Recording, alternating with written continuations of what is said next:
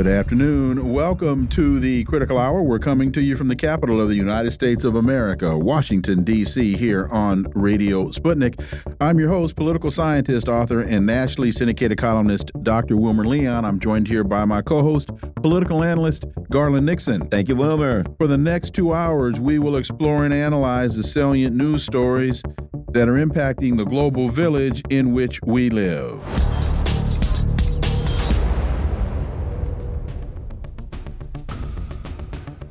The New Arab reports cruise missile from Yemen strikes tanker ship. Yesterday, a land based cruise missile launched from Houthi controlled Yemen had struck a commercial tanker vessel, causing a fire and damage, but no casualties. For insight into this, let's turn to our first guest. He's an award winning broadcaster and journalist based in Beirut, Lebanon. Laith Marouf, as always, welcome back. Thank you for having me.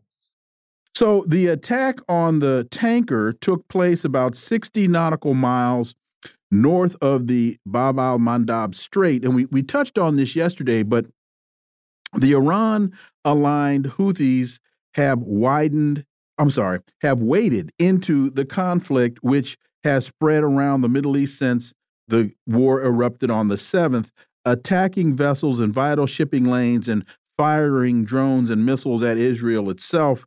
Uh, on Saturday, the Houthis said they would target all ships heading to Israel, regarded, regardless of their nationality, and warned international shipping companies against dealing with Israeli ports. And this it's that last sentence that really got my attention in this uh, warning international shipping companies because this now just beyond the military this now impacts insurance rates th this has a greater impact well beyond just the individual attack itself. And it seems to follow a similar mindset that Hamas is subscribing to as it went into Israel proper on the 7th of October. Your thoughts? Well, definitely the Ansarullah government in Sana'a, Yemen, is costing uh, the Zionist and the whole imperial alliance behind the Zionists the most in terms of financial and economic uh, costs for the continuation of this war. Uh, just a few hours ago, the Israeli uh, military announced that they are sending a Sa'ir uh, for destroyer ship into the Red Sea, uh, meaning that they will be trying to probably confront Yemen somehow. but as we saw yesterday, with the attack on this uh, Swedish ship that the French destroyer that was trying to protect it couldn't actually stop the attack from happening. So I don't know how much more luck that the Israelis will have in such a uh, situation. And if they actually decide to attack Yemen, whether it's Israel or the Americans uh, or any of their vessels in the area, this is going to encourage actually Ansarullah to increase their attacks and uh, you know uh, de- demobilize all of the movement of ships in the region. Uh, this is a, as we said yesterday on on air. This is the first time that all these seas enter into this battle uh, for the liberation of Palestine in the hundred years of this battle. So we have now the Red Sea, the Arabian Sea, the Gulf of Oman, and the Mediterranean Sea being conflict zones. And uh, as we see also right now, there's calls across the world for demonstrators to uh, blockade the, the um, uh, offices of Zim Shipping, which is the main uh, Israeli shipping company, and to go into ports around the world and to stop ships that are carrying uh, any products to Israel. So we can see that now the has, uh, Ansarullah uh, actions are inspiring people around the world to find ways to make this war, genocide in Gaza, costly for the West and costly for their Israeli uh, lapdog. Everything that I see about Yemen basically shows that the citizens of Yemen strongly support the actions of their government. So it appears to me that attacking Yemen, even you know, kill civilians or bomb or whatever, won't um, uh, uh, uh, cause them to stop their actions because it appears that you know the people the people of the Yemeni people are actually in the streets um, protesting in support of their government, wanting them to do even more. Like, yeah, yes, yes, of course. Like you know, we see on every Friday millions, and we're saying literally millions. It's not hundreds of thousands, millions of people out in the streets across all of Yemen responding to the calls of demonstrations and, and public support for Palestinian liberation. The government in Sana'a represents the majority of Yemeni people. You know, under the control of uh, the Sana'a government, uh, lives close to 90% of the population of Yemen. Uh, only the areas that the Saudis and the Emiratis control in the south are the ones that are not seeing these demonstrations. And that's not because those people don't want to go out in these demonstrations in support of Palestine, but because the Emirati and the Saudi and Israeli occupiers are not allowing them to. Uh, so, you know, the, the Yemeni people and the Sana'a government uh, not only represent actually their own people, they represent the will of the Arabic people in general that are being obstructed from uh, joining uh, demonstrations or joining actions for the liberation of Palestine. And I, and I think you know the the love for Yemen is increasing all over the Arabic world, uh, and many people are reading up.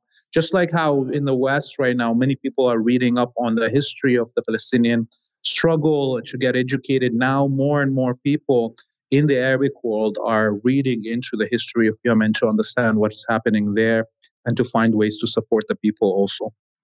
And this uh, this this most recent action uh, takes me back to the the speech that was given by uh, Nasrallah uh, back in November when he asked the simple question: How long are you willing to engage in this fight? Because we are in it for the long haul, and so. Uh, I think that this is very, very important for people to understand the types of actions that are being taken, the, the guerrilla nature of these tactics, uh, th they're in it for the long haul. It's about making life as unbearable as possible. Oh, yes. Oh, yes. Look, you know, many people uh, have looked at uh, the actions of Hezbollah over the last two months.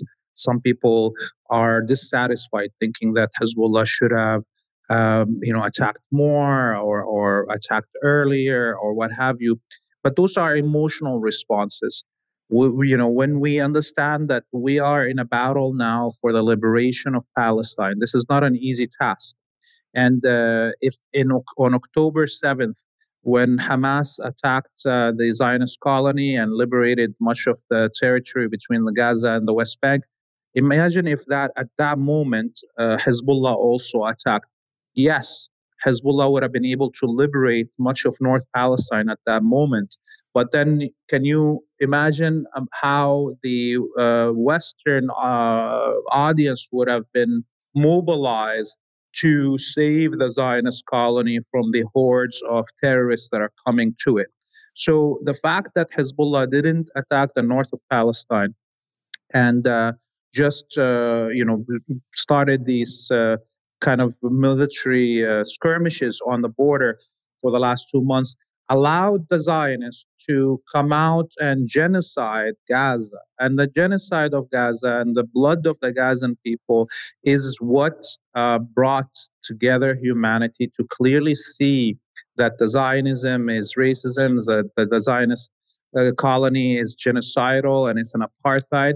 And now, at this moment, if and when Hezbollah and other parts of the resistance axis uh, decide to engage directly on the ground of Palestine, then the whole world will be behind us. So clearly, the strategic planning of the axis of resistance uh, has uh, worked uh, wonders until now. Uh, the price, of course, of, of uh, winning the, the hearts and minds of the world is, is is huge. It included, of course, these close to 20,000 Palestinians uh, martyred uh, in the genocide in Gaza.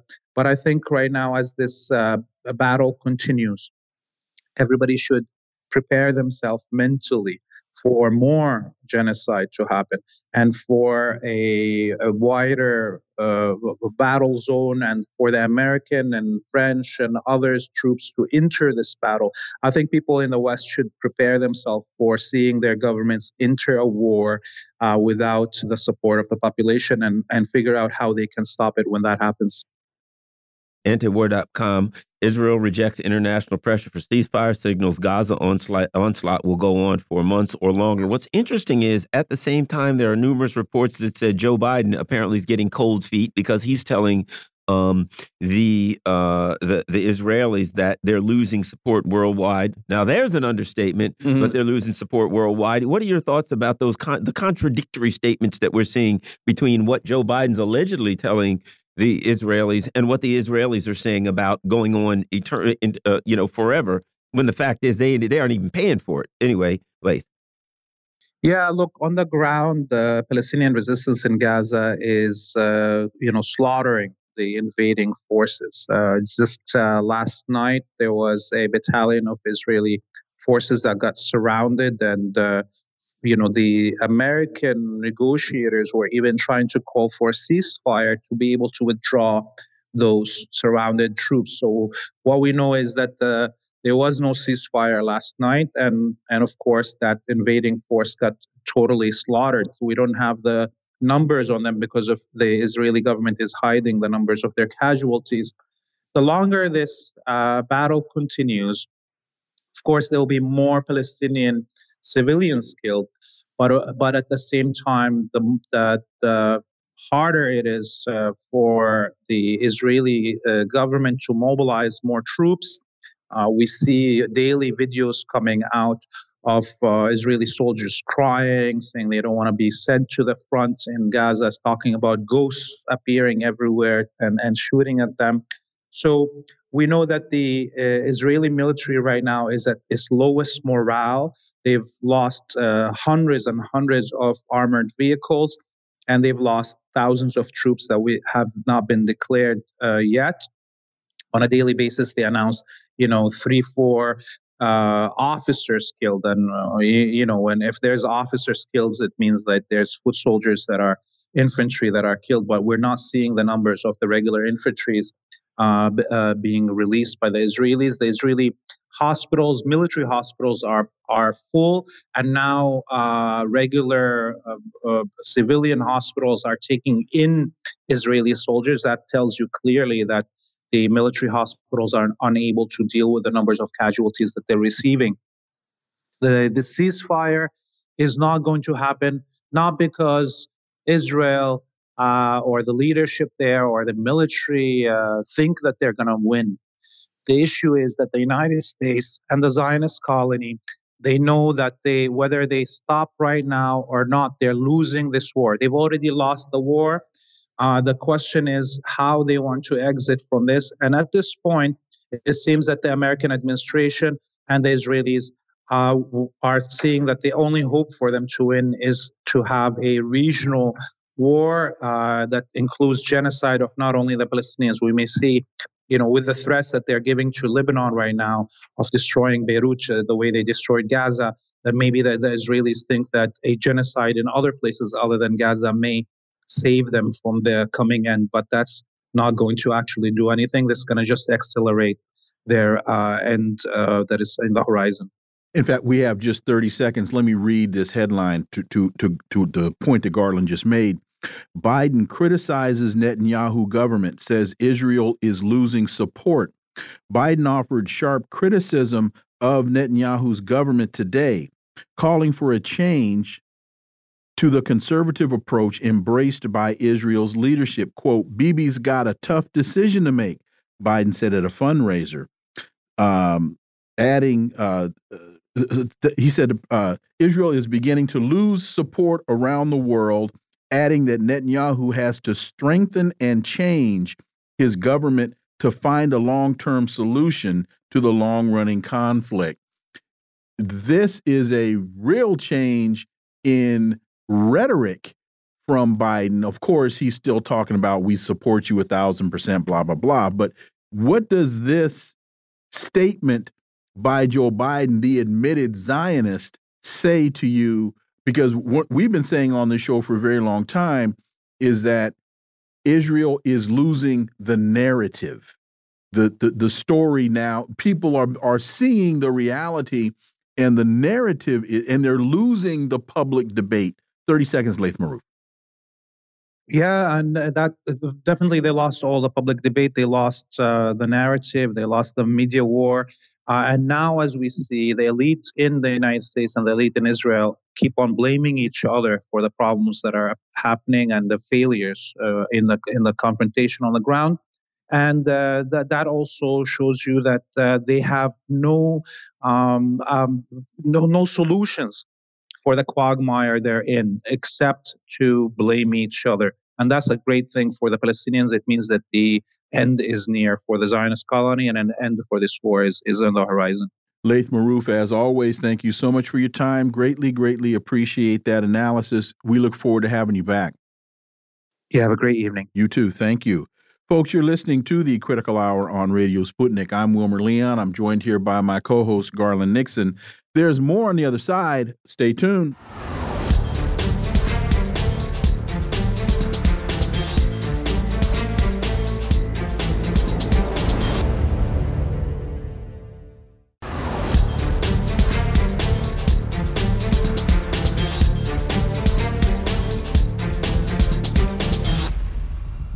We are back, and you're listening to the Critical Hour on Radio Sputnik. I'm Wilmer Leon, joined here by my co host, Garland Nixon. Thank you, Wilmer. Zelensky visits Washington in push for more Ukraine aid. Ukrainian President Zelensky met with lawmakers on Capitol Hill today and is speaking with President Joe Biden at the White House as discussions on Ukraine aid uh, remain stalled. For insight into this, let's turn to our next guest. He's a Moscow based international relations and security analyst, Mark Sleboda. As always, Mark, welcome back. Dr. Leon Garland, thanks for having me. It's always an honor and a pleasure to be on the critical hour. So, House Speaker Mike Johnson said he had a good meeting with Zelensky today, but remained firm on his stance that the U.S. needs to address the border first before advancing an aid bill. Uh, and but this while former Zelensky advisor Alexei uh, believes the president's Zelensky's cultivated quote unquote hero persona has locked Kiev into conflict and says now is the time to start thinking about negotiating peace with Russia while the situation looking more hopeless on the front line. So this now seems to be Mark Sleboda not only a a battle of militaries, but it's now a battle of narratives. Mark Sleboda.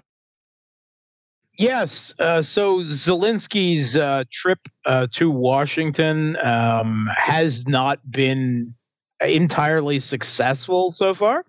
I think we can say if his goal was to persuade, to convince Republicans to um, release the aid. Uh, the uh, fight, the the money and the arms to his country, to which he has grown uh, expectant and um, uh, entirely dependent on, um, and entitled to. Yes, absolutely. Uh, to to a uh, almost nauseating degree, uh, throwing childlike tantrums uh, if he doesn't get the next toy that he wants as soon as he has uh, the, the, first one in his hands. But uh, I think the Republicans uh, in the House and Senate, right? We're talking the Trump wing and mainstream Republicans, including some of the biggest pro Kiev regime, Russia hating figures in the Senate. Lindsey Graham, Mitch McConnell, Mitt Romney, others, they've all agreed on this game of playing hardball with uh, uh, the uh, aid to Ukraine uh, in order to get the horse trade that they want from the Biden admin on the issue of border security, uh, uh, immigration, and asylum reform in the style that they want. Um, and I obviously they believe they have Biden over a barrel like they never have before, and that eventually he will have to cave. Because I don't believe for a second that Mitch McConnell and Lindsey Graham and um, uh, Mitt Romney uh, ever intend to let the aid to the Kiev regime stop flowing. Uh, certainly not for any lengthy period of time. Uh, so they continue with it. And we have this statement from Graham that make it quite clear that he's been thrust in, Zelensky's been kind of thrust into an internal uh, U.S. political debate that he rightly wants no part of. Um, Graham said, I told uh, President Zelensky my number one obligation is to secure my country as well as help yours. And I feel like my country's border policies are an immediate threat to the safety of the American people. I said, You've done anything that anybody could ask of you. This is not your problem here. Uh, so uh, speaking of of the border security issue and Zelensky trying rightly to to keep his head low.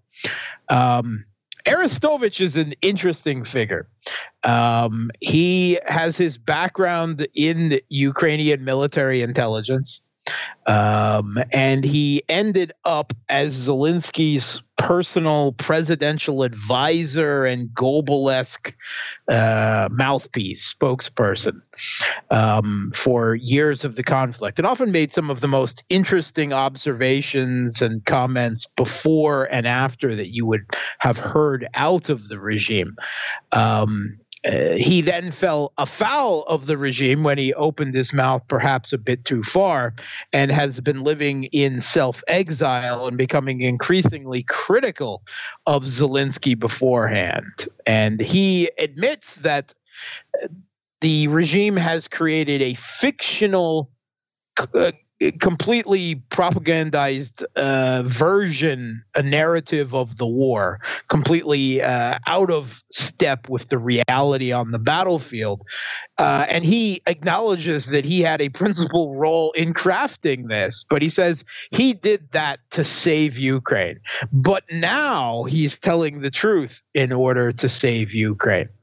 Um, now he uh, has, um, you know, drawn attention to the fact that the Kiev regime, uh, he acknowledged that it's lost over 300,000 killed in action uh, so far from their armed forces and that they're losing the war.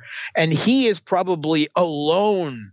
I mean, really alone among any um, Maidan uh, Ukrainian public figures, right? Any any anyone that ha- is or has been part of the Kiev regime in calling that now is the time for peace, and he's even suggested that he would run in elections against Zelensky on a peace platform, except that Zelensky says that there will be no more elections, uh, at least and not until the conflict is over. So that kind of moots that part, and he doesn't appear to have any real political power base uh, within uh, Kiev, within Ukraine at all. He's living outside the country, and actually, I think it will probably be very like very lucky he will be if he does not find himself on the uh, Interior Ministry's Myrotvorets kill list, or even worse, on the GUR military intelligence head Budanov's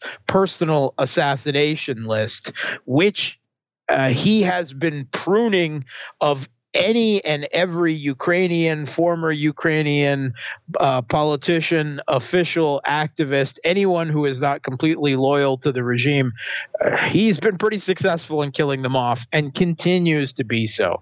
His long arm even reaching into Moscow to kill former Ukrainian MPs that the regime considers the regime that seized power, overthrowing the last government, now considers traitors. Uh, so um, I, I think that Arestovich probably has a death wish, to be perfectly honest. But he doesn't have any real power to influence anything, although uh, maybe some Ukrainians will start to listen to what he's saying now. I would just advise Arestovich if, if, if somebody from the regime gives you a box of toy grenades for Christmas, don't don't don't open it. Don't open that. Look, they don't have any worries because CNN, uh, Wilmer saw, Wilmer and I saw this before we came in, and CNN is reporting Russia has lost 87%. You can look it up, Mark. 87% of the troops it had prior to the start of Ukraine, according to a U.S. intelligence assessment. So, and as we already know, the only 13, the other 13% only have shovels. So I don't know. don't forget the washing machines. And, yeah, washing machines. They got they got clean uniforms. The 13% left. So there's not a problem. But here seems to be an issue. The Iranian foreign minister Hossein Amir Abdullahian is reporting that Hezbollah, as if we didn't know this, Hezbollah and Hamas have been able to purchase all weapons in Ukraine with ease. Mark, it appears that uh, there may be a few holes in the supply chain of weapons, in uh, gaping holes between the U.S. and Ukraine. Your thoughts? Yeah, um, I mean, it really shouldn't come as any surprise. Um, it has long been acknowledged uh, by NGOs, uh, you know, trying to get weapons to Ukraine, European NGOs that have been trying for, for years to get weapons to Ukraine, that um, they have been, uh, as a result of corruption, they've been selling off large amounts of them onto the global black market. The things, of course, that are smaller, you know, mostly, right, more, more easily uh, transferable. And indeed, at the beginning of the Israeli conflict, we have uh, seen pictures uh, uh, supposedly released by Hamas of Hamas fighters with British NLAWs and Swedish anti tank weapons as well. Uh, so that seems to confirm at least part of that. And Netanyahu has also made comments that they have discovered weapons from Ukraine uh, being, u- being uh, used uh, by Hamas. Uh, so, I mean, this really shouldn't come as any surprise to anyone. Of course, perhaps Iran, uh, the Iranian diplomat, is trying to um, obfuscate the issue a bit here because there also probably is no question that um, they do transfer some uh, weapons to Hezbollah and then usually Hezbollah onto Hamas without any direct conflict there. Uh, but the article, I think, perhaps more interestingly, uh, uh does mention uh, also that the Iranian says they used to do more in the past, but that uh, Hamas and Hezbollah are able to um, internally produce a lot of their own weapons uh, these days. Um, they can uh, uh, Hezbollah can produce the necessary weapons on their own, and lo and behold, actually, Western experts agree. Um, so Daniel Byman, a senior fellow with the Transnational Threats Project at the Center for Strategic and International Studies (CSIS) in the UK, um, you know, the terrorist quote unquote specialists um, uh, that says while Iran has been getting some more advanced missiles uh, and components for construction of said uh, into Gaza, either um, directly or indirectly. Uh, but he also notes that in, in terms of just about everything else, they actually make their own arsenals, which I found uh, interesting and fascinating. And uh, actually, Russia Today's Arabic news channel did a interview with a senior Hamas official in Lebanon recently, and he said we have local factories for everything for rockets with ranges of 250 kilometers, 160 kilometers, 80 kilometers, 10 kilometers. We have factories for mortars and their shells. We have factories for Kalashnikovs and their bullets. We're building it in Gaza uh, Ali Baraka, head of Hamas national relations abroad, which I found fascinating because I had no idea that Hamas had that much military industrial infrastructure. Per, I don't know, perhaps if the U.S. needs artillery shells and their own military industrial complex isn't up to the task of, of ramping up production, perhaps they could get Hamas to make artillery shells for them because they seem to have the capacity. They already got our weapons. Maybe we could just trade straight up. I, I called Lloyd Austin and I told him that he might want to make that phone call. Yeah, yeah, yeah. I think they should make that happen. Mark Sleboda, as always, thank you so much for your time. Greatly, greatly appreciate that analysis, and we look forward to having you back. Thanks for having me. Folks, you're listening to the Critical Hour on Radio Sputnik. I'm Wilmer Leon. I'm joined here by my co host, Garland Nixon. There's more on the other side. Stay tuned.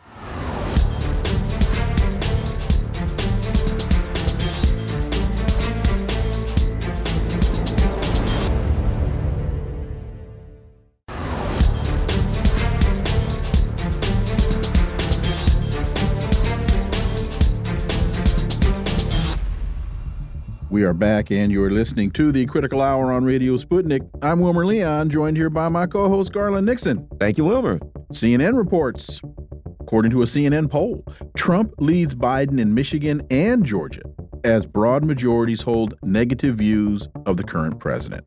Former President Trump has the upper hand over Biden in two critical battleground states, Michigan and Georgia, with broad majorities in both states holding negative views of the sitting president's job performance, policy positions, and sharpness according to a new CNN poll. For insight into this, let's turn to our next guest. He's the national organizer for Action for Assange, Steve Poikonen.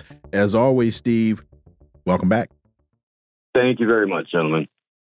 So, in Georgia, a state Biden carried by a narrow uh, margin in 2020, registered voters say they prefer Trump 49 to 44 over the presidency in a two uh, for the presidency in a two-way hypothetical matchup in Michigan, which Biden won by a wider margin.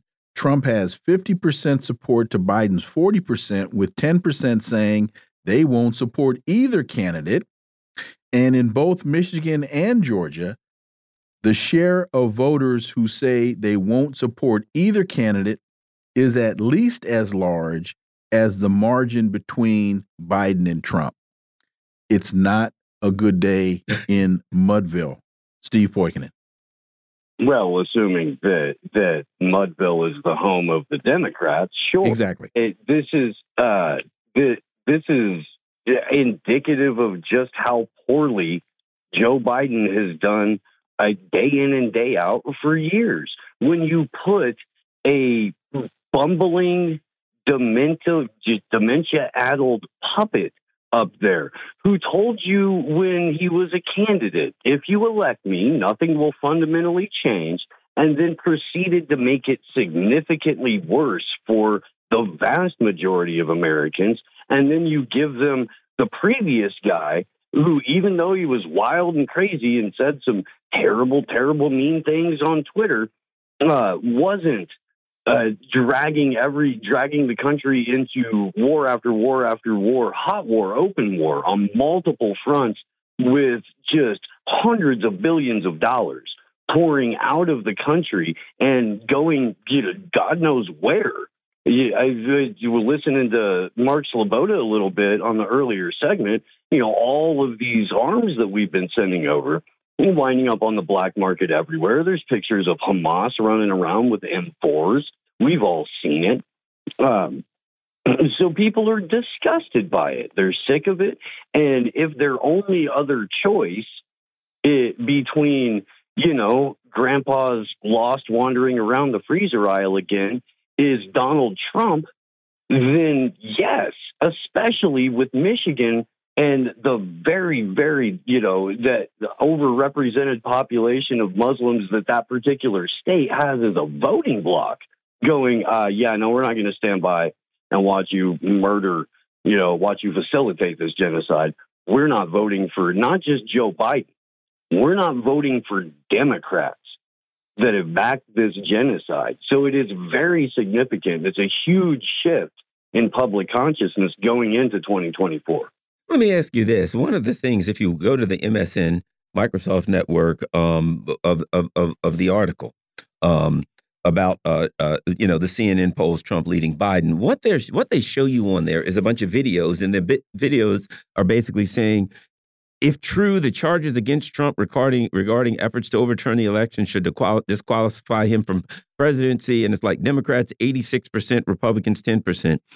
It seems to me that the charges you know the uh, the the people who are going to vote Democrat, they are going to vote Democrat. They love the Democrats. They're going to say yes, they should uh, disqualify him. But the people outside of that sphere, it seems to me, are either unaffected by the charges, or they see the charges as kind of an attempt to take Donald uh, Donald Trump out, and to some extent, some of them seem to see the charges. I'm thinking as um, evidence that he is an outsider and that the system really does hate him. You know. Uh, anyway, your thoughts on that? Well, you're you're right, and if you talk to just you know so people who are are disconnected, you know, definitely nowhere near as plugged in uh, as we are, but just viewing it on the periphery, average everyday people think that this is a deliberate attack on Donald Trump, that Joe Biden uh, and his crackhead kid are crooked as a dog's hind leg, and that they're going after their political opponents in broad daylight.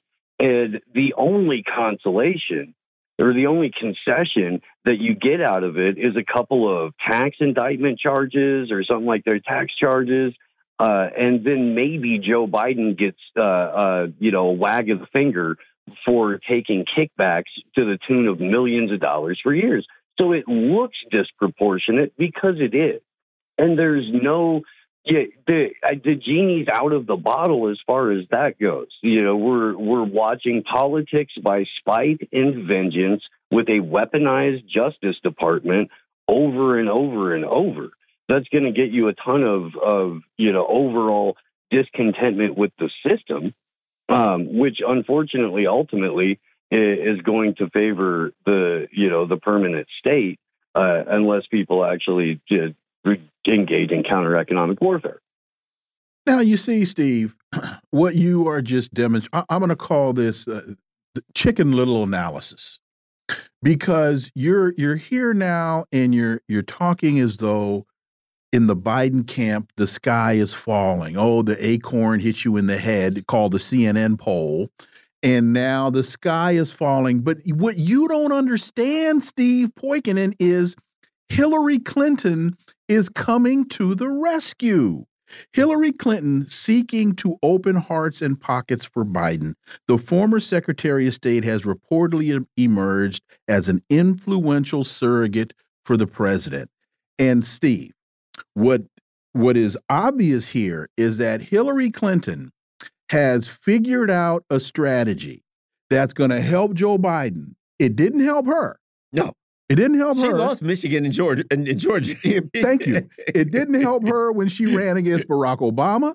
This strategy didn't help her when she ran against Donald Trump and this and it didn't help um, the the the candidate the Democratic candidate in, in Virginia that was running against uh, in the last election whose name now escapes me but she now has broken the code. Steve I don't understand why you don't see this Steve Poikonen well okay so let's let's uh, let's back up for a minute because you may be onto something here. Hillary Clinton does have a proven track record uh, of victory after victory uh, in terms of being able to get large amounts of donor money without ever having to deliver on any of the promises that she made in order to get it in the first place, uh, at, at, least on a, a pure marketing level. Um, I'm glad in the article that, that discusses this that they mentioned that she's just there to keep the seat warm for Barack when they finally call in Big Dog, come in and do the real fundraising. Uh, but I mean, if you have to go, if you're looking at your bench, right, and you're like, oh man, we really need to to you know bring in a designated hitter. We, we need Shohei Ohtani coming out of the bullpen.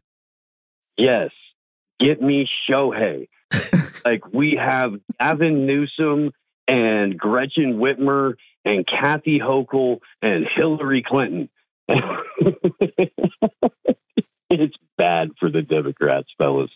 Yeah, they, eh, eh, you know, they say that one of the uh, Republican contributors says, "You know, you're in deep trouble if you're picking up the bat phone and calling Hillary Clinton."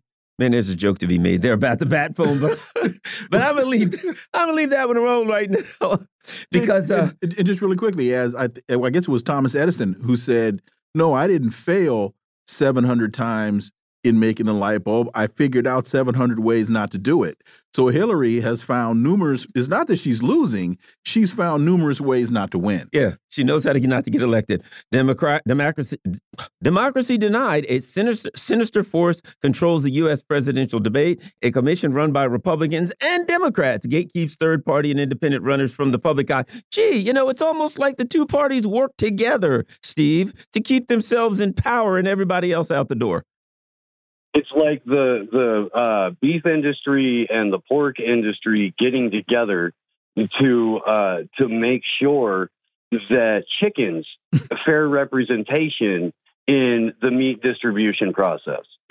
It, it's, it, it's ridiculous. It's counterintuitive. It's anti-democratic. It's anti-American, and they get away with it year after year or election after election because there's too much money involved from outside influences to ever make what the people want any sort of reality as the Stanford and Princeton study shows us and as walking around in day-to-day life shows us. But at the end of the day, the the the latest element to all of this is Democrat the the the uh, the DNC has said they may not even have Biden participate in uh, the general election debates. They better not. against whoever the the nominee is. That for as bad as that will be for Joe Biden if he winds up being the nominee, admitting that this early in the game, in my opinion, is a huge mistake. Uh, one minute, Steve. It's ridiculously foolish, but it's indicative of the spot that they've found themselves in. Everybody knows you can't run, you know, grandpa wanders around the White House kicking dogs. You can't do that. So they've got to they've got to seed it out early now. I think maybe their thought is let's let's let everybody get mad now and then forget about it by, by the time it's a reality. It's a losing strategy, but they're a losing political party. And here's the point they should do that, but not relative to debates, relative to a candidate. Garland. Yeah. Well, the one thing that would be worse would be if they actually let him well, uh, yeah. debate.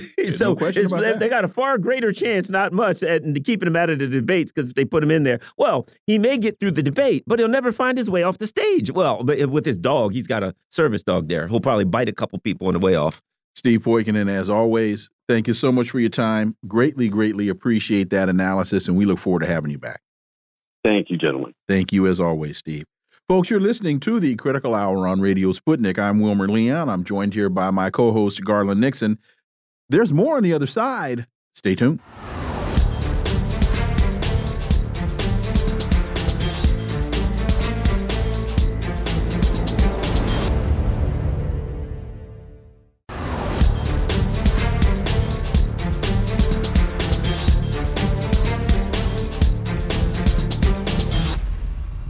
We are back, and you're listening to the Critical Hour on Radio Sputnik. I'm Wilmer Leon, joined here by my co host, Garland Nixon. Thank you, Wilmer. Zelensky arrives in U.S. and pleads for more military aid.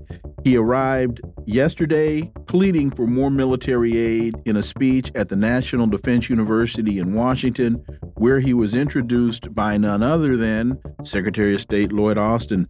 For insight into this, let's turn to our next guest. He holds a PhD in political economy, taught economics at St. Mary's College in California. He's the author of a number of books, including The Scourge of Neoliberalism U.S. Economic Policy from Reagan to Trump, and uh, he's been a labor negotiator for a number of years. Dr. Jack Rasmus, as always, welcome back. Always glad to join you guys. So, Ukrainians haven't given up and won't give up, Zelensky said. We know what to do, and you can count on Ukraine, and we hope just as much to be able to count on you, Zelensky said. Dr. Rasmus, he's wandering the halls of Congress. Uh, he's he's sitting down with Joe Biden today, but all of this just seems to be a a Herculean plea to throw good money after bad. Dr. Jack Rasmus. Yeah, well, actually, he's not uh, wandering to all the halls of Congress. he doesn't dare go to the House of Representatives Uh, Biden's plan is to have him speak to the Senate, which is more tolerant of his of his claims. Uh, but he's only going to talk to uh, House Speaker um, Johnson. He's not going to go before the House Mhm. uh, because there's a growing uh, resistance uh, to, as you say, throw good money after bad or bad money after bad, I should say. Uh, look, uh, Ukraine is losing all along the front. They're being pushed back. Uh, they're not being provided uh, because the U.S. simply can't provide all the all the uh, ammunition and weapons. The days are numbered. There's coup talk in Kiev. Zelensky's feuding with his general Zaluzhny. He tried to fire Zaluzhny, and Zaluzhny told him go to hell. Um, the mayor of uh, of uh, Kiev has come out against Zelensky. Zelensky's days are numbered, uh, and everybody knows that. And uh, everybody knows that uh, there's no new offensive that uh, Ukraine can um, can put up. So the days are numbered there, and throwing bad money after bad is pretty obvious. But Biden is desperate. He's got to uh, get some money out of Congress to at least get through the next couple months because they will run out of money for Ukraine the next couple months. Uh, and he's got to get him over the hump uh, until February. Uh, so what Biden's doing is throwing in the towel on on the border. Uh, he's pretty much signaled to the Republicans, look, I'll agree pretty much whatever you want on the border, but you compromise and give me some money uh, for Ukraine. Uh, so I think you there, there will be some kind of a deal. Ukraine will get something. It will be much less than the 60 billion, uh, and the Republicans will will get what the Democrats uh, don't want to give them up to now, but will give them on their border wall. That's the compromise that's going. It's all politics, and it's all going to be worked out. Uh, but that doesn't solve the problem of the the uh, you know the bottomless pit in, of uh, Ukraine uh, funding. You know, probably at least 200 billion we've thrown at that uh, uh, worthless enterprise up to now. Uh, and uh, they're just not going to. It's going to be the last uh, tranche that they give them because by February, March, it's going to be clear that Zelensky will be gone or will be going one way or another. I, I think he got pulled into Washington from his trip to Argentina at the last minute. Uh, and they're probably telling him, the U.S. is probably telling him, look, uh, this is the best and the last we can give you here. Um, and uh, there won't be any more, I think, in the spring uh, for for Ukraine. Uh, and I've I've uh, on public record said that he's going to be gone in six months, and this war will be over by next fall. Let me ask you this, Dr. Jack, and, and is something I've been thinking about lately. If I'm the Republicans, the worst case scenario possible for me would be that this thing drags out past the election and I win and now it's mine, knowing that it's going to lose because what's going to happen? The Democrats would then say, well, it was fine while we had it, but now the Republicans won and they've screwed it all up. So if you're the Republicans, you you want to see it end before you i mean right now the wind is at their back so they got to assume that they'll get some victories in in november. If you're the republicans you looking at it you're like we know it's going to end. We know ukraine's going to lose. That we probably need that to happen before we take office if we win. It's it's the converse of afghanistan because it, Joe Biden becomes president, Joe Biden withdraws from Afghanistan, and then Republicans blame Joe Biden right. for the withdrawal. So, so Ukraine, it, it's it's the same thing. It's just in reverse. It's, it's yeah, they, in reverse. they're not going to be left with that on there. They got in. They don't want to hold that bag. No, Doctor Jack. Yeah, well, you're right, uh, and it's uh, next year is finger pointing time. you know uh, what's going on is uh, uh, they want to end the war. The Republicans end the war, and they can. They just choke it off. You know. Mm -hmm. Uh, they, they want to end the war, uh, but Biden will will say, "Oh, look, you lost Ukraine," but they'll say, "Oh no, you lost it. You lost it on your watch." You know, uh, so finger pointing time uh, is going on, and of course, finger pointing time is going on big time in Ukraine. Uh, that's a sure sign that uh, the whole policy and strategy is is bust, and it's just a question of the turn of events in 2024 and uh, who gets blamed. But they're going going to both be pointing fingers at each other as to you know who's who's going to be blamed. So was Zelensky invited by his Hollywood celebrities and and and the and that whole grift? Jack Rasmus. Yeah, well, this is very interesting. You know, you can't hear anywhere or watch anywhere on the U.S. media uh, the big grift that's been going on in Kiev. Uh, earlier uh, this month, uh, it was sort of the beans were spilled by this actor Danny Trejo. You know, he's he's a sort of character actor, well known and everything. Uh, he went over to Kiev, or he was invited to go to Kiev, as a whole number of U.S. Uh, uh, um, uh, actors and celebrities have been. You know, see, it's like a you know a, an open door. Every once in a while, you see, uh, you know, he's meeting with uh, Sean Penn and Key, meeting Zelensky. He's meeting with Sean Penn. He's meeting with this actor and this actor, and they get a nice photo op. And he pay he Zelensky pays them a hundred thousand dollars just for a photo op. So that's why they're going over there. Uh, and uh, well, he doesn't actually pay them a hundred thousand when they get over there, according to Danny Trejo, who, who, he and his lawyer spilled the beans. The story, uh, they get over there and uh, uh, they say, "No, we're going to give." Zelensky says, "We're going to give you one hundred and fifty thousand. Oh, that's nice. Uh, except you got to give us fifty thousand back in cash. so yeah, that's that's the grift that's going on with all of them. And Danny Trejo spilled the beans. He wouldn't go over there uh, he revealed it all, he and his lawyer, you know, but not a word of it in the New York Times or anywhere. Not a word of it. You know, you can't find that evidence except on the internet. And, and on the internet, you know, you can see Danny Trejo and his lawyer, uh, you know, spilling the beans and telling everybody what it is, but not a word anywhere. I've been watching ever since this thing broke. You know, if there was uh, any reporting, in the mainstream media and Zippo, nothing. I mean, this is a big grift. And where does uh, Zelensky get the money to, to throw 150,000? The 50,000 he keeps for himself because it's in cash, you see. They got to give it back in cash. so there's no trail. Where does he get the money? Well, he gets it from U.S. aid. We're paying Ukraine and have been for, I don't know, uh, 20 months now, a billion dollars a month just to keep their government employees paid and their pensions. We're throwing a billion dollars. So I'm sure his office is sucking off a lot off the top of that. And I'm sure he's using that for his 100,000, 150,000 grift. And that's just the tip of the iceberg. You know, I mean, Ukraine is the most corrupt place in the world. Uh, this was even before uh, it was uh, determined. Uh, I don't know if it was the CIA or whatever uh, but Ukraine was the mo- most corrupt, uh, you know, country in the world. Well, do you think it's gotten any better during the war? This is tip of the iceberg, and these politicians know this, and they know a lot more, uh, and I'm sure that's influencing something. And really quickly, Jack, we got about two minutes. Uh, you've got a piece America's triple crisis income inequality, inflation, and perpetual wars of empire.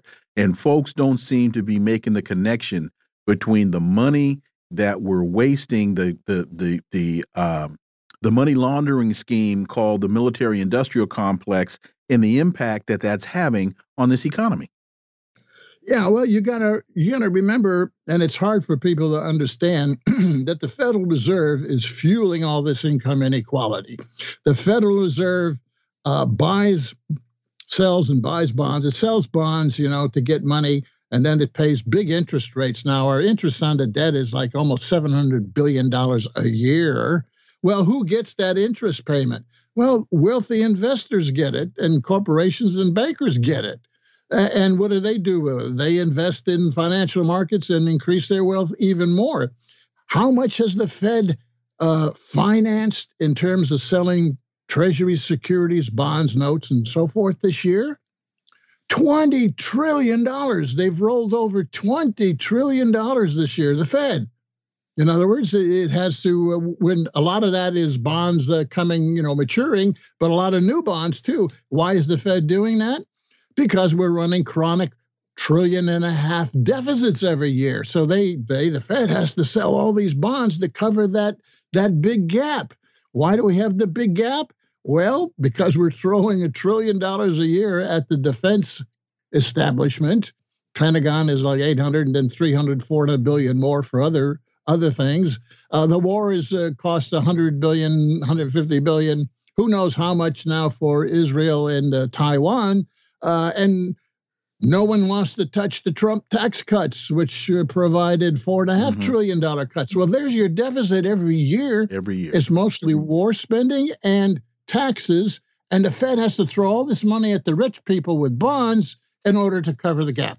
That's how you get income inequality. When we, you know, we're going to have to talk with you another time about how the economy has changed from the New Deal economy of Roosevelt to the to the Reagan uh, um, open market economy and and and and the devastation that that has that that has wrought.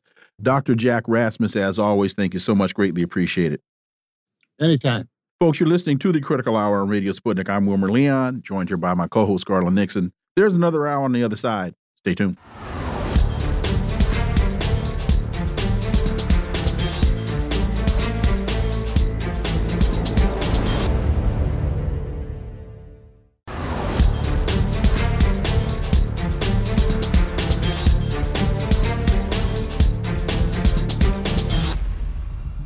We are back, and you're listening to the Critical Hour on Radio Sputnik. I'm Wilmer Leon, joined here by my co host Garland Nixon. The Washington Post reports House committee calls for reset on China U.S. economic relations. In a rare bipartisan report, Republicans and Democrats call for increased tariffs and restrictions on Chinese companies while readying U.S. firms for a possible war. You know, Garland, I could have sworn that President Xi and President Biden had a very productive discussion in San Francisco. I thought that's what Joe told us. Well, for insight, let's turn to our next guest. He's re retired from a global advisory services firm where he advised clients on their China strategies and business operations. He's educated at MIT, Stevens Institute, and Santa Clara University. He's the founder and former managing director of International Strategic Alliances, and he's currently a board member of Freshfields, a novel green building platform. George Koo, as always, George, welcome back. Thank you, Wilmer, and greetings, Garland. Uh, this uh, this this report came a little late. was was announced a little late today, so I know we apologize for getting the story over to you late. But uh, it was released today by the House Select Committee on the Chinese uh, Communist Party. It contains a broad legislative blueprint that, if followed, could ratchet up duties on Chinese goods, sig significantly curtail U.S. investments in China, further restrict or ban U.S. market access for companies including TikTok, as well as drone makers, chip manufacturers, and telecom groups, and again, preparing firms for a possible war. George Koo.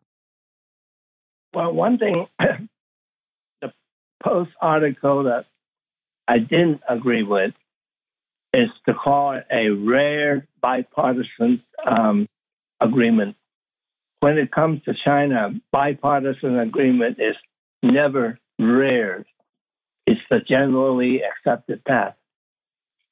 Second point I want to point out are the so called leaders of Congress that are most vehemently against China um, and, and uh, promoting all these measures including rescinding uh, WHO and most favored nation and so on. and So I believe, and I'm not sure about this, but I believe none of them have been to China and have seen for themselves what's going on over there.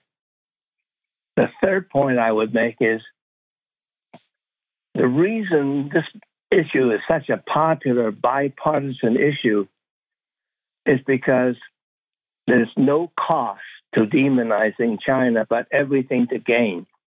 The American voters have become so convinced that China is our enemy and adversary. Anything against China is good, it's beneficial, not realizing that these terrorists they're thinking of proposing on China will simply decouple the two economy and the American taxpayer and the American public are going to pay through the nose because everything coming in from China will be more expensive not because um, that uh, uh, they're making expensive high-end goods, but they're making quality goods, and because of tariff uh, surcharge, it's going to cost the American uh, consumer much more. It's going to hurt the American economy. It'll probably rekindle inflation, and um, uh, you know, Biden may end up paying the price because um, when when the economy tanks, he gets the blame. The president gets the blame. Now, whether this will happen or whether because there seems to be an economic recovery, and the Democrats figure maybe they can, despite all this, ride over the uh, the eco- economic recovery will um, cover them. Excuse me. That I can't tell you. I can't predict. But um, there's no question the members of Congress are embarking on a very graphically lose lose uh, situation and possibly setting up for the next war with China. And that would be the tragedy of all tragedies. Well, and additionally, here's what gets me about this article. They talk about they're trying to protect banks and stuff in the event of a conflict with China, right? And then uh, the next thing they say they say is we have to do everything in our power to prevent that from happening. So that's like me saying, you know, I got a bomb here to blow Wilmer up. I got a gun that I can use to shoot Wilmer. I got some gloves. I can hide my fingerprints. I got a map of where Wilmer goes so I can chase him down. What are you doing that? I'm doing that to make sure that nobody tries to kill Wilmer. It's absurd. You do everything you can. You talk about uh, uh, uh, um, war with China. You encircle China with missiles. You're saying we're setting up our banks and corporations for war with China. What are you doing that for? Well, clearly to prevent war with China. It is preposterous, um, George. Well, let me just say, I really appreciate you looking out for my best interest, Garland Nixon. I feel so much safer. Go ahead, George. well, Garland, you, you've, you've said it all. it's preposterous with a capital P, and I don't know what more I could add to that. It, it, you know, there's so many issues facing Congress, so many problems that needs to be solved in our own country. Our infrastructure is falling apart. Our school system is falling apart. We have a drug and homeless problem, and on and on and on. And what do we focus on? We co- focus on trying to make China our enemy to justify our weapon investments and justify going to war. It is preposterous. It's ridiculous. It's stupid. Wilmer, if I may take one minute real quick to say why they'll never fix our infrastructure. They did infrastructure improvements when we had industry, right? Because the industry needed infrastructure to transport things. They needed good schools so that their employees could be, um, you know, uh, would could be well educated. They need they needed good uh, uh, um, an electronic grid so that those big factories could get the electricity. Industry needed all of that stuff, and we had a decent infrastructure and investment. When industry left, they ain't doing it no more because to now would be improving infrastructure for us, for the people. They ain't doing nothing for us. They only did it when the people who owned industry needed an infrastructure. I, I would only take issue with that analysis when you say when industry left because America was intentionally deindustrialized. Right, exactly. George Koo. Yeah, yeah. Well, I, I, I, agree with you. I mean, I, I would love to be able to drive to uh, San Francisco on a on a road without potholes. But that would be for me as an individual. But I have I will say, when you have good roads, good infrastructure for the in, industry that exists, it's good for the economy. It moves everything very efficiently. Mm-hmm. It is good for the economy. So, what by allowing the industry to leave, the self-inflicted injury began, and it's getting worse by the day. South China Morning Post reports Israel Gaza war. China's Wang Yi renews ceasefire call in talks with Iran. Chinese Foreign Minister Wang Yi held a phone call with his Iranian counterpart their second since the outbreak of the war, as fears persisted that a second front could open along the Lebanon border. Beijing hoped to coordinate with Iran on international and multilateral occasions. Wang told his uh, foreign his foreign minister counterpart uh, Amir-Abdollahian on Monday. And but uh, George, talk about this in terms of again this whole idea that the, world is passing America by. The relationships that are developing and the reasons for these development of relationships to a great degree has to do with American hegemony because last week Russian President Putin went to Saudi Arabia and went to the UAE and you know uh, you would have thought Elvis had returned. well, you know, let's let's compare the Chinese approach to the American approach. The Chinese said to the Iranian foreign minister, and Garland, you did a darn good job. Was it that Wilmer pronounce his name? I won't try. But oh, it was me. But go ahead. he said, "Let's pursue an immediate ceasefire, ensure humanitarian aid, and resume a two state solution, meaning we, we, we need to start that discussion. What did he not say? If he was Blinken, this is what he would have said to the Iranians Don't you dare start anything. We will sanction the heck out of you and even fire some missiles at you. That's the American approach versus the Chinese approach that China did not come out and condemn Hamas, didn't condemn Israel because that's already gone by. That he they're looking forward and figuring out how to solve this problem, and they cannot. They do not pretend that they can solve the problem by themselves. They look at Iran, they look at Saudi Arabia, they look at all the Arab nations uh, along with Israel to solve this problem and stop the killing and stop the, the slaughter. And China is getting criticized by Washington because they refuse to condemn the horrible uh, slaughter that Hamas started. Yeah, but on the other hand, well, the United States refused to condemn Israel for all the many fold reprisal that has started and continues to start today in Gaza so it, it's not going to solve the problem with a U.S. approach that is on completely one-sided. There is hope for China and Russia together, along with the Middle East, to come to solve this problem and stop the horror of killing. And George, it seems to me that the, the U.S. position is you've got to condemn. In other words, take a moral position. One group, one one group is bad, one group is good. Take some moral position, as opposed to what I see in the Muslim world, which is incredible restraint. They, they have shown restraint. They've shown wisdom in not uh, uh, really expanding this war dramatically. And it, Russia and China, the UN, are all saying it's not important to at this point to say good guys are bad guys. It is important to show restraint and to move towards uh, stopping the violence. George. Yes, you're absolutely right. Furthermore, it's becoming increasingly clear to the world that the so-called U.S. moral position aren't worth much because the first country to renege on their moral position is frequently the United States.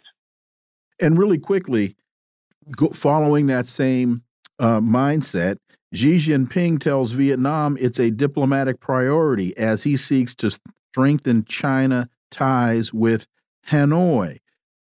Xi Jinping goes to Vietnam and has dialogue, encourages exchange. It's a prior it's a diplomatic priority that we have a better relationship. George Koo. Well, absolutely, and um, and the Vietnam understands that because as soon as Xi Jinping was elected to the third term, the um, leaders of Vietnam promptly went up there to pay a visit and uh, and discuss cooperation and collaboration. The uh, media, also the, the Asian media, not the China, not the Western media, pointed out that when Xi Jinping visited, visited Vietnam this time, they were he was accorded a much higher honor compared to when Biden visited Vietnam. So this is a subtle way for Vietnam to saying their relationship with China is more important than their relationship with the U.S. But to be fair, Vietnam is trying to get along with everybody Japan, U.S., China, Russia, of course. And I think they're doing a very good job of um, being a neutral, friendly to everybody approach, which is very much similar to China's approach, making friends all around. And as a as a quick side note, as we get out, you made the point that President Xi was awarded a much better honor when he visited this time than Joe Biden was. That just makes me think about President Putin going to Saudi Arabia and camels, soldiers on camels uh, um, lining the parade route, and Tony Blinken had to wait a whole day before uh, Mohammed bin Salman would grant him an audience. The, the the the the the ground is shifting, and folks just need to pay attention to the tectonic shifts that are taking place. Thirty seconds, George Koo. Okay, very very much on mark about the shifting ground, but I would also point out that obviously the Ukraine war, Russia has full control of the Ukraine war now. Mm -hmm. That's why Putin is so confident in, being, in flying off to uh, visit the, the Middle East. You know, he, he's not worried about the outcome of the Ukrainian war anymore. But the Americans sure are, and they're still desperately trying to somehow save face and come out of the the end of the Ukrainian conflict uh, at least partly whole, and that remains to be seen how that's going to happen.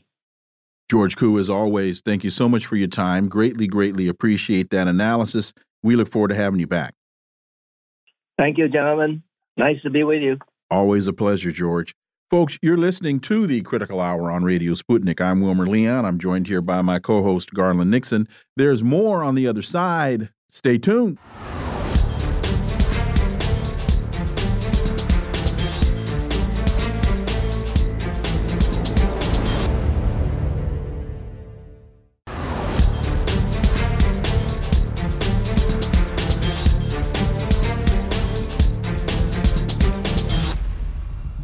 We are back, and you're listening to the Critical Hour on Radio Sputnik. I'm Wilmer Leon, joined here by my co host, Garland Nixon. Thank you, Wilmer. Common Dreams reports chained to White House fence, Jewish elders chant ceasefire, not genocide. Quote, don't let them tell you it's complicated, said one participant. Palestinians are being slaughtered, not just by bombs, also by starvation. It has never been an important it has never been more important that we act, end quote. For insight into this, let's turn to our next guest. She's a political commentator and podcast host of The Misty Winston Show. So, Garland, this must be Misty Winston. It's me. Ah. How lucky. Hey, fellas, thanks for having me. How lucky are we? So, the story continues. A group of Jewish elders chained themselves to the fence in front of the White House yesterday to demand that President Biden end his opposition to a permanent ceasefire in the Gaza Strip, where virtually the entire population is going without adequate food, clean water, and proper medical treatment as Israel's assault continues with no end in sight. And Misty, we this story came up later later in the day, uh, but we thought that this was a very good example of why Joe Biden's numbers are not only tanking, but are circling the drain. Misty Winston. No question about it. Uh, I think that there, uh, in some recent polling that was just done by CNN, which I mean, I, listen, polling is polling. I don't, I take it with a giant dose of salt. Um, but in a recent CNN poll that was just done a few days ago, his approval rating is now at 37%, which is a phenomenal. Uh, uh, approval rating by Black people is 47%. And the big one that I noticed was the approval rating for 18 to 34 uh, is only 34%. And I think we're going to continue to see, especially that number specifically, the younger voters. I think we're going to continue to see those numbers drop. Um, and uh, I don't think that that's a, a, or should be a surprise. I mean, we've seen the millions of people in the street all across the country uh, and across the globe, really. And I think that um, the message has been loud and clear. I mean, people want to see uh, Joe Biden not only call for a ceasefire, but stop funding this thing, stop sending weapons uh, to Israel to g- continue the genocide of Palestinians. So, yeah, I think there's no question about it. This is exactly why Joe Biden's approval ratings are in the tank. Um, and I think they're only going to continue to get worse. What's interesting, Misty, is that Joe Biden recently has said, I am a Zionist and Israel will decide, and we're going to send them more weapons. So Joe's, you know, as everything tanks, Joe Biden just says, "Oh no, we're going in the other direction," which leads me my cynicism. You know, my my cynical uh, uh, uh, senses are tingling. Leads me to say that the people in charge just say, what do we care? Biden is right? nobody anyway. We'll put him out there. We'll let them beat this uh, straw man around for a while, and then when when when his, when it gets down to zero, we'll just replace him with uh, uh, you know, Gavin Newsom or someone, and he'll be aside, and we'll say, "Yeah, Joe probably shouldn't have done that." Here's Gaz Gavin Newsom. Oh, look, there's Trump. But, but wait a minute. But wait a minute. To, to your point, Joe Biden says he's a Zionist. Joe Biden says Israel uh, is is it's their decision to make. They're the ones in control. But the the story comes out today. He criticizes Netanyahu and says Israel is losing support. He, can't figure out what direction to go. And, this goes back to something I, I say all the time is you can't compromise for the sake of political expediency on the front end and then try to claim the moral high ground on the back end. It doesn't work that way. Misty.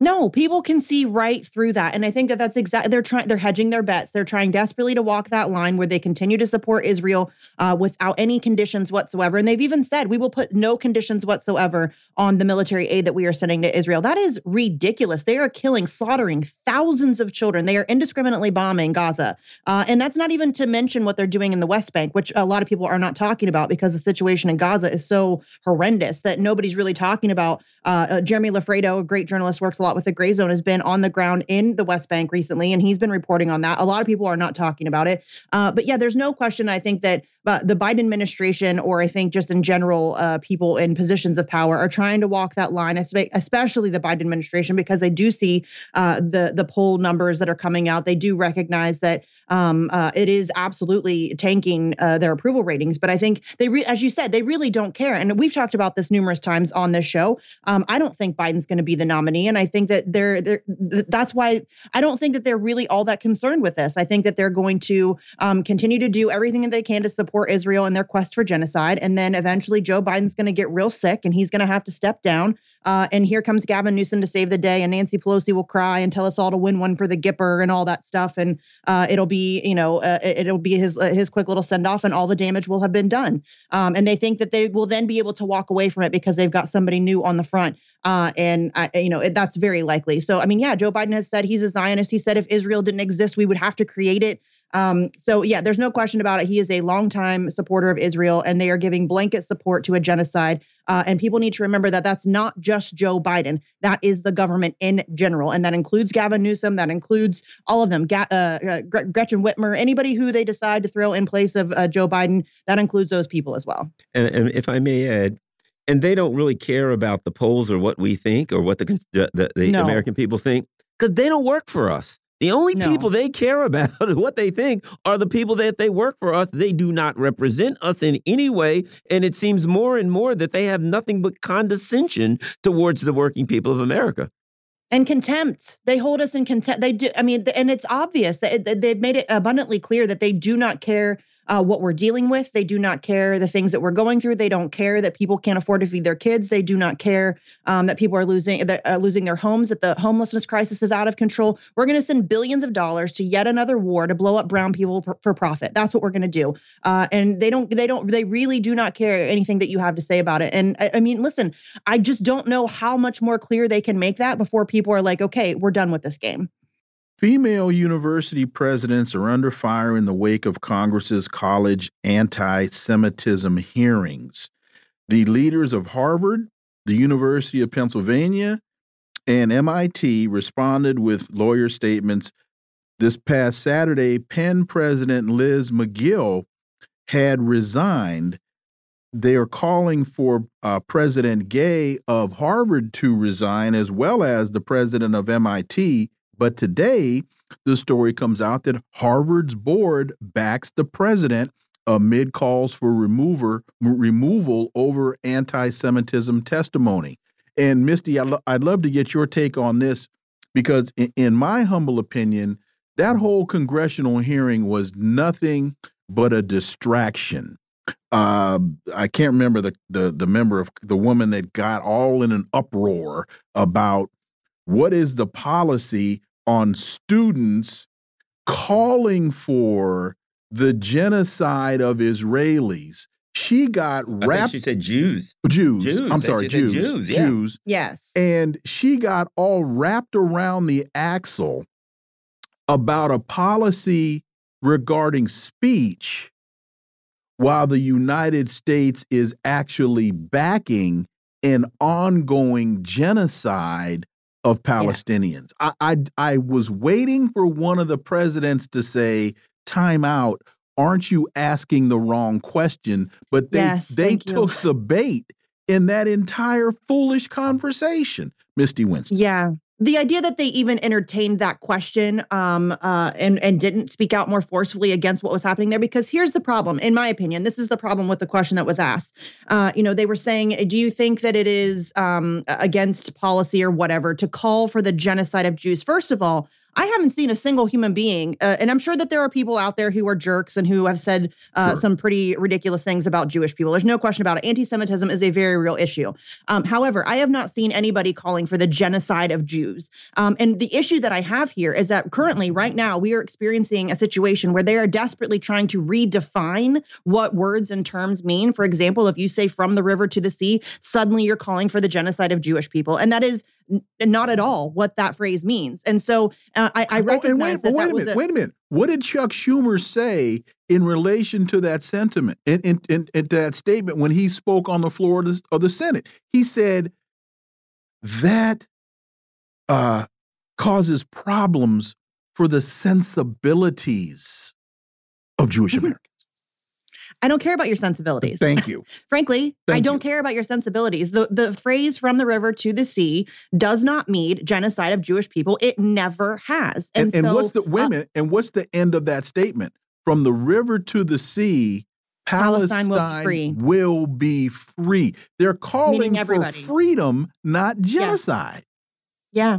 It couldn't be more clear, Wilmer. It could it, it, could not be more clear. And the intentional misinterpretation of that phrase has been now weaponized against people to uh, uh, censor speech. And I think it is abhorrent. And I think that the idea that they were trying to use it against these presidents of these institutions is ridiculous. Um, I do think that they, they should have handled it much better. I mean, uh, listen, it was a very um, delicate dance that they needed to walk on that question. Uh, but Lady had two left feet. There's no question about it. She did not handle it well. Um, and so I think that it could have been um, uh, certainly it could have been answered in a better way. But I think that um, that none of them should be resigning. None of them have done anything wrong, um, and nobody is calling for the genocide of Jews. I've not seen a single person on any of these campuses call for the genocide of Jews. And as you mentioned, it is ridiculous to be uh, asking these uh, hypothetical questions about, well, what if somebody calls for the genocide of Jews, as we are currently experiencing and witnessing the actual genocide of the Palestinian people.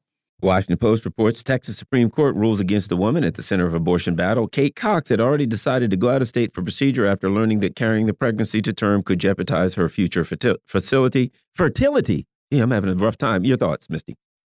Uh, this is why the government should not be involved in these decisions. Period. End of story. This is not a, a, a, a discussion or a decision that should be made by legislators. This is a, dis a discussion and a decision that should be made uh, between a woman and her husband and her doctor, or her, a woman and her partner and her doctor. This is not. Uh, this is. Uh, it's ridiculous to me that this is something that's even being discussed. Um, uh, and unfortunately, we're going to keep seeing stories like this as we move forward. And as we get out, uh, one of the members of the Texas legislature, one of the Republicans that supporting the Texas law.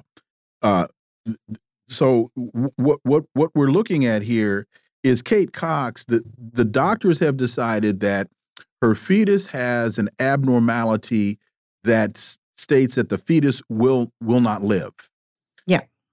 It also jeopardizes not only her her her health in terms of life or death, but it also could impact her ability to uh, have children in the future.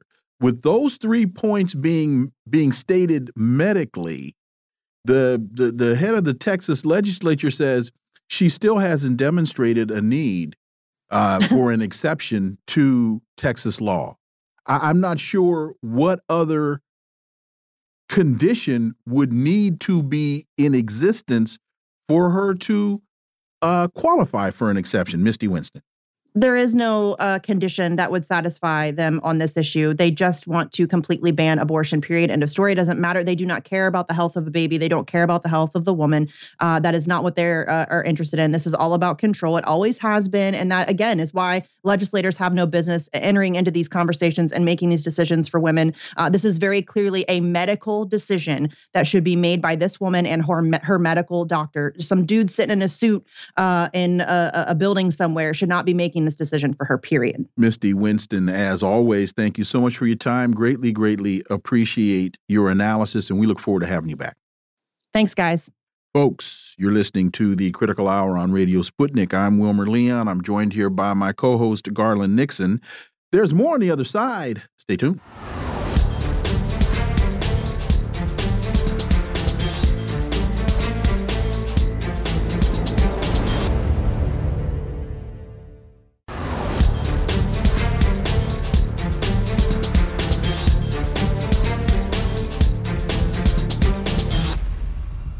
We are back, and you're listening to the Critical Hour on Radio Sputnik. I'm Wilmer Leon, joined here by my co host, Garland Nixon. Thank you, Wilmer. Sputnik International reports Pentagon recruitment struggles as Iraq Afghan war vets warn youth against service.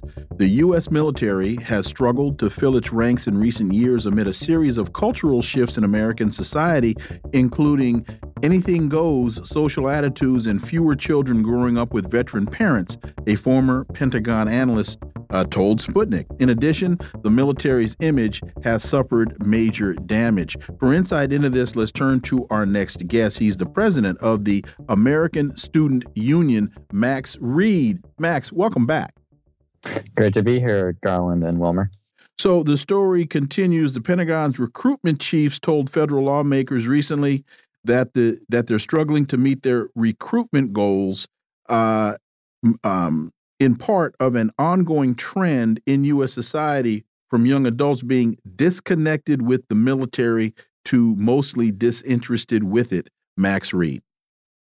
Well, I think what we're seeing here is a culmination of a couple factors. Um, you have Generation Z growing up without the societal wealth that um, other generations, such as the greatest generation, baby boomers, and even Gen X to a certain degree, possessed as a result of the kind of the post war economic boom that the US experienced as a result of being the only economy left standing at the end of the Second World War. We also have uh, a kind of changing, I guess, attitude about the military as more and more people grow up not just with, you know, war on the news, but, you know, war on cell phones. Um, you know, I can't tell you how many people like I I know and you know Generation Z are on Discord, Telegram, or various social media apps where you know content about showing the reality, the brutality, and like the gore of war is just all over their screens. And I think this is creating effect where, you know, American youth aren't only just questioning like the, the meaning of these wars, US foreign policy as a whole, they're also contemplating what is the point of like a military that is, you know, not defending us, you know, at home or abroad as we continue to see, you know, increasing instability throughout the Middle East as a result of US foreign policy action.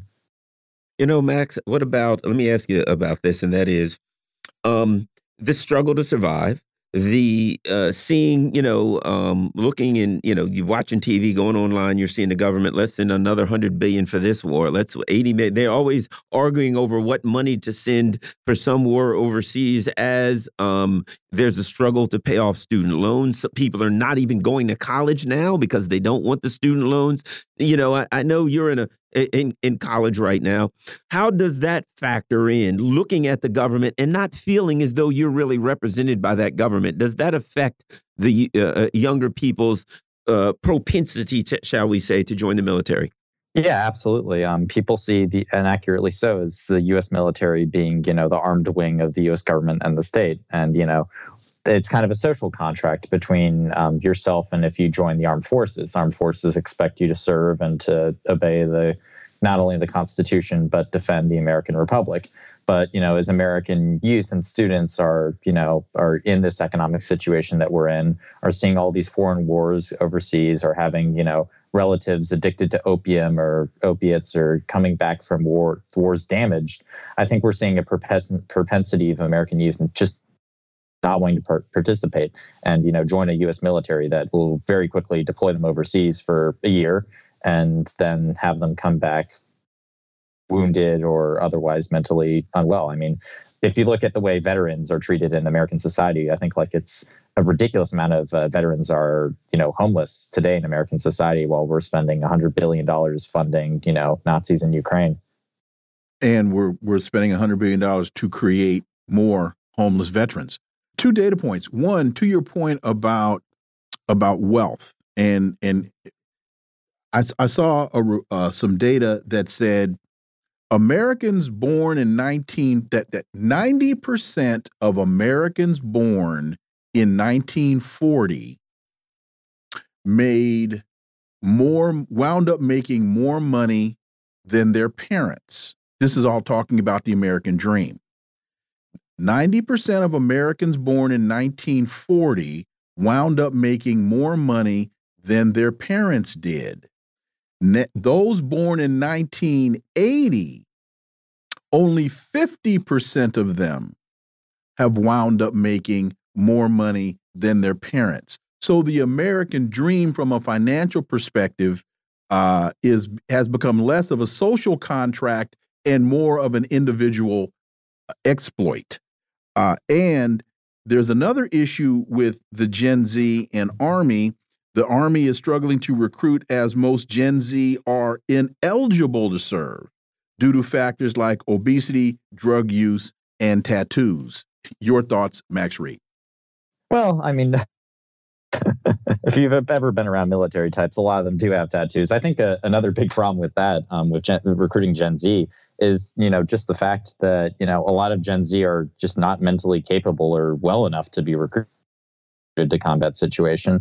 Um, with social media, with increased bullying, this kind of meta civil society that we currently live in, where our lives are all plastered over screens, and you know instead of living our lives, we're kind of working through this matrix you have a lot of people within gen z who you know aren't even capable of going to college of doing their own laundry or you know even like cooking you know basic meals like microwaving popcorn or mac and cheese you know if you can't microwave mac and cheese i'm not sure how you're going to operate a mortar crew or you know defeat get an insurgent position locate it and then destroy it so you have a serious problem uh, for the U.S. government and state apparatus, which is why we're seeing another growing trend of the U.S. government resorting to recruiting um, poor and working class Americans, and also trying to recruit immigrants, people who are first generation immigrants who a lot of the times don't even fully speak English into the U.S. military. It, it harkens back back to me if you looking at if you look at historical examples of this of what the Ottoman Empire did with recruiting janissaries from the Balkans,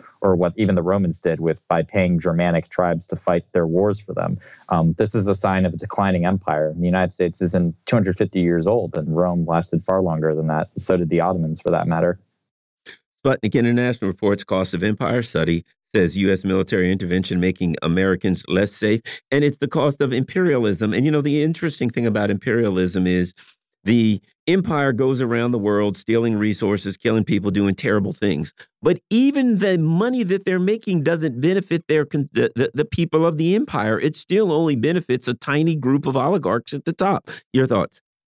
Yeah, I mean, the war on terror um, and, you know, even just Paul going back to the Cold War. I believe the CIA coined, coined the term itself blowback, or the in which a situation where intelligence operations result in you know unintended consequences. We've clearly seen that with you know the funding of the Mujahideen in the 80s led to the growth of the of Al Qaeda, the Taliban, and the September 11th attacks. Osama bin Laden used to be our guy in Afghanistan. Um, 20 years later, we were fighting him. So I think we're seeing, you know, things, and so to speak, the chicken's coming home to roost in terms of U.S. foreign policy, and I can't imagine what what's going to happen in the next 10 years or so with all these weapons um, all the destruction left over from the Ukraine conflict that's been imposed by, ever since 2014 by a U.S. sponsored coup, you know, destabilizing a lot of you know Central Europe with the drug trade, arms trade, It's really a scary thought to think, you know, at some point in the future in America, we could be dealing with, you know, not just the aftermath of you know the war on terror, but this recent conflict in Ukraine.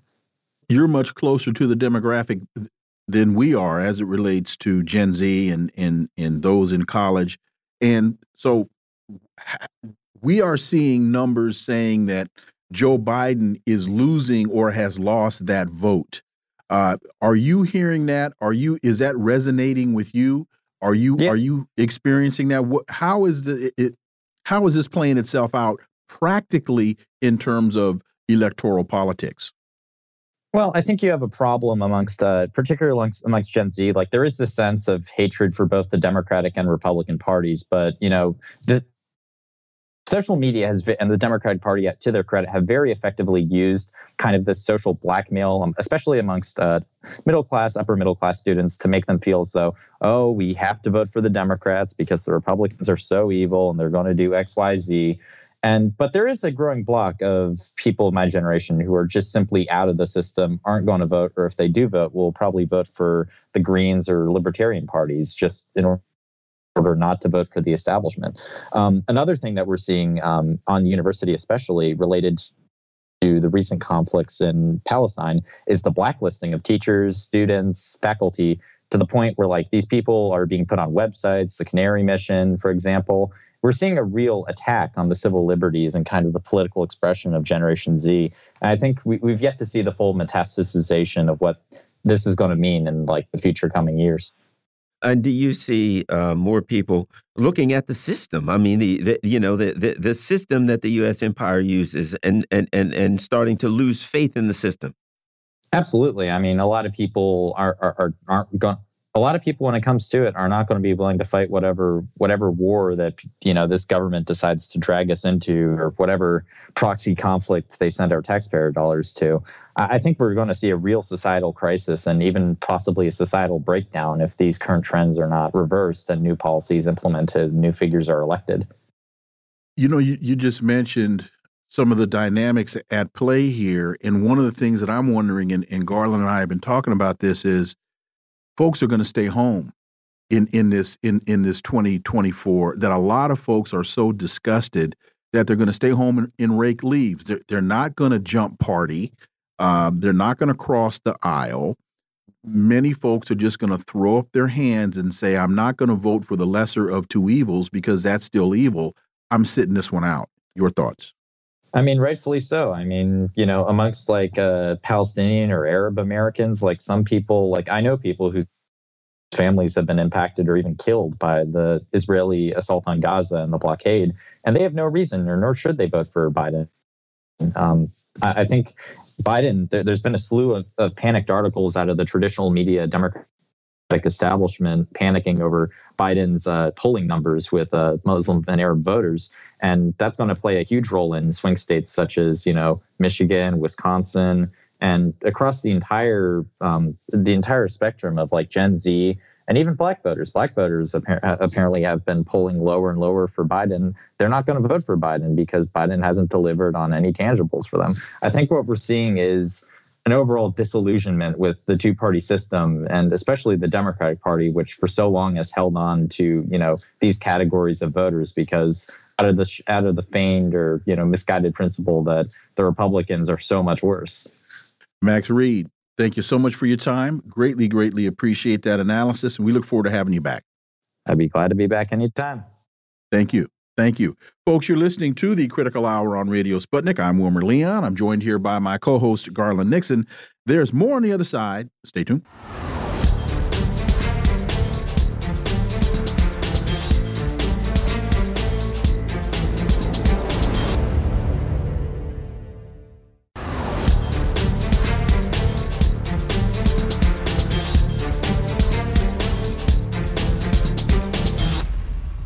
We are back, and you're listening to the Critical Hour on Radio Sputnik. I'm Wilmer Leon, joined here by my co host, Garland Nixon. Thank you, Wilmer. Truthout has a great piece entitled The Forcible Transfer of 85% of Palestinians in Gaza is a Crime Against Humanity. The biased chief prosecutor of the International Criminal Court condemns Hamas but ignores Israel's atrocious crimes. For insight into this, let's turn to our next guest. She's Professor Emerita at Thomas Jefferson School of Law, former president of the National Lawyers Guild, and a member of the National Advisory Boards of Assange Defense and Veterans for Peace and the Bureau of International Association of Democratic Lawyers. And she's the author of this piece. Professor Marjorie Cohn, as always, welcome back. Thank you, Wilmer and Garland. So you write that since the October 7 attacks by Hamas that killed 1,200 people in Israel, the Israeli occupying forces have killed more than 17,000 Palestinians, over 7,000 of them children, and wounded more than 46,000. Close to 1.9 million people, about 85% of Gaza's population, have been forced to flee their homes and squeeze into roughly one third of the Gaza Strip. Uh, Professor Cohn, this is a uh, disproportionate response, to say the least. It is asymmetrical. And um, not only is it uh, a humanitarian crisis, there are war crimes be, being presented uh, here. And uh, Joe Biden seems to be, just be throwing up his hands and saying, y'all do what you got to do. Professor Cohn. Yes. Well, on October 13th, the Israeli government ordered the people, the Palestinians in northern Gaza, to evacuate to the south within 24 hours, ordering 1.1 million people to evacuate. And then on December 3rd, um, Israel ordered the Gazans in the south to evacuate. Well, there's nowhere for them to go. Um, the Israeli border crossings are closed. The Rafah crossing from Egypt is heavily restricted. And what's happened here is that Israel is committing uh, genocide, war crimes, and crimes against humanity under the Rome Statute for the International Criminal Court. There's no doubt about this. These sound like very strong charges, but if you look at the Rome Statute, the forcible transfer of population is a crime against humanity. Um, forcible transfer means the forced displacement of people um, by expulsion or other coercive acts uh, without grounds under international law. Well, there's no legal or moral justification for Israel to forcibly displace 85% of the population of Gaza. And the Rome Statute classifies this forcible transfer as a war crime. Also, forcible transfer uh, may constitute genocide, um, deliberately inflicting on the group conditions of life calculated to bring about its physical destruction in whole or in part.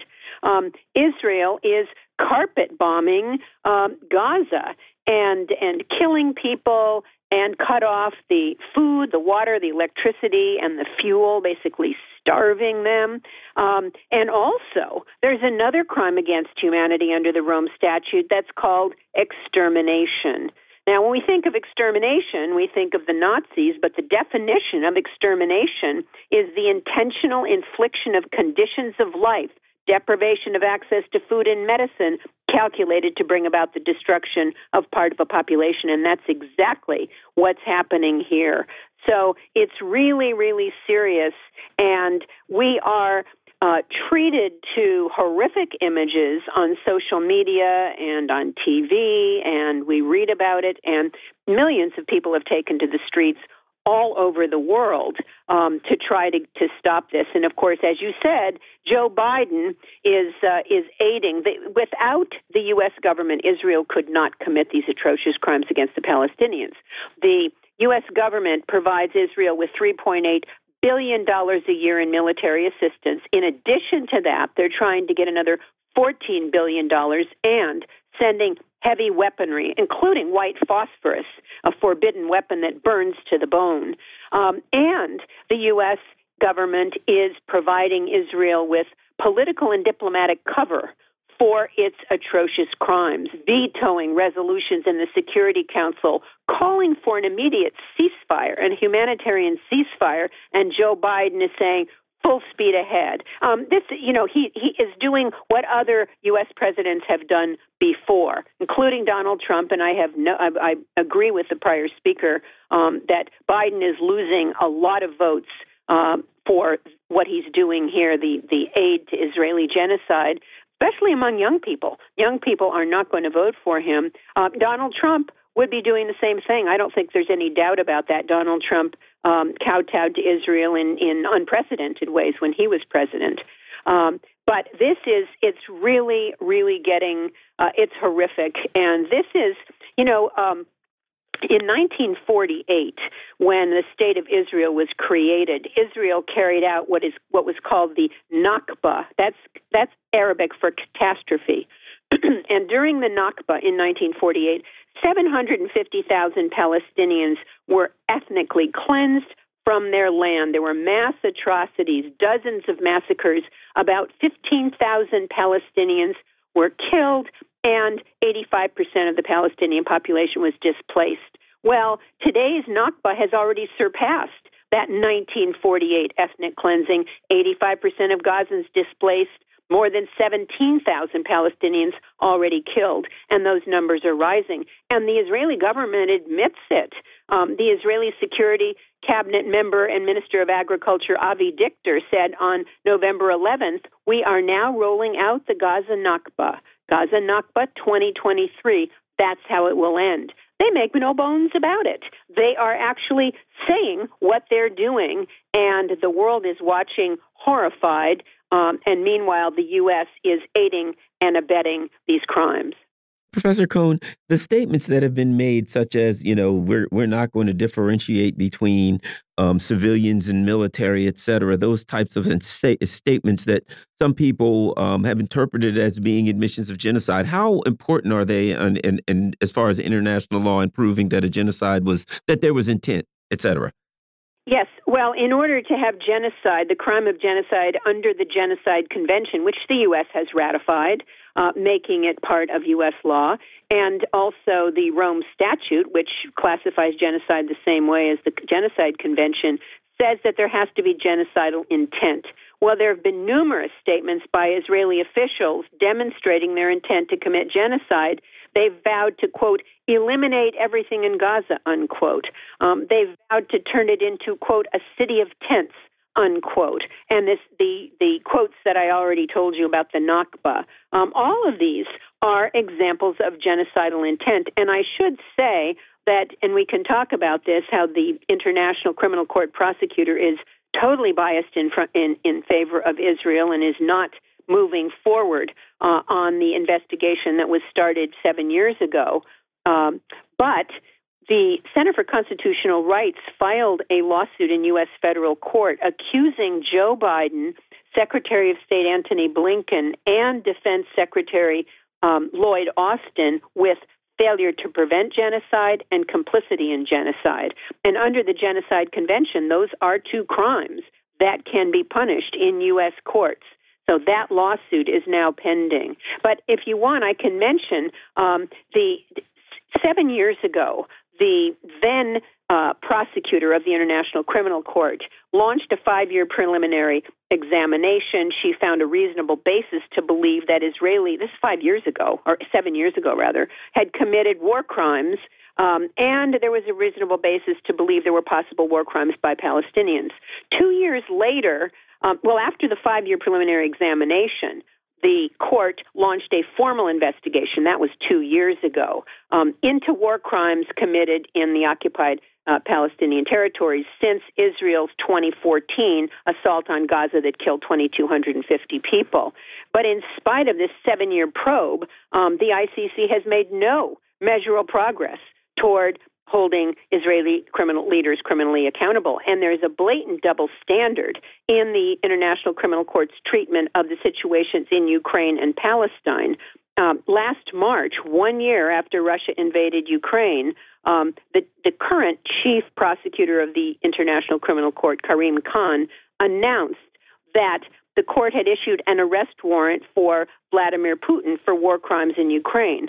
That was one year after um, his government invaded Ukraine. Here is seven years after the launching of this preliminary examination into the situation in Palestine, and nothing is happening. And to add insult to injury, on, on December 3rd, the chief prosecutor of the International Criminal Court, Karim Khan, visited Israel and Ramallah in the occupied West Bank, and he issued a statement condemning Hamas for its egregious breach of fundamental principles of humanity through the taking and continuing holding of children, and also decried the significant increase in attacks by Israeli settlers against Palestinians in the West Bank. But Karim Khan did not criticize the Israeli government for its genocide, war crimes, and crimes against humanity in Gaza, even though Israel's killing thousands of Palestinians, bombing civilian infrastructure, and forcibly transferring now now 85% of the population of Gaza. Khan made a milk toast statement that um, it, Israel, um, international humanitarian law must still apply, and he knows the law. You know, in, in other words, it, it's just stark in its uh, in its bias toward Israel. Professor Marjorie Cohn, as always, phenomenal piece. Thank you so much for your time. Thank you for that analysis. And as always, we look forward to having you back.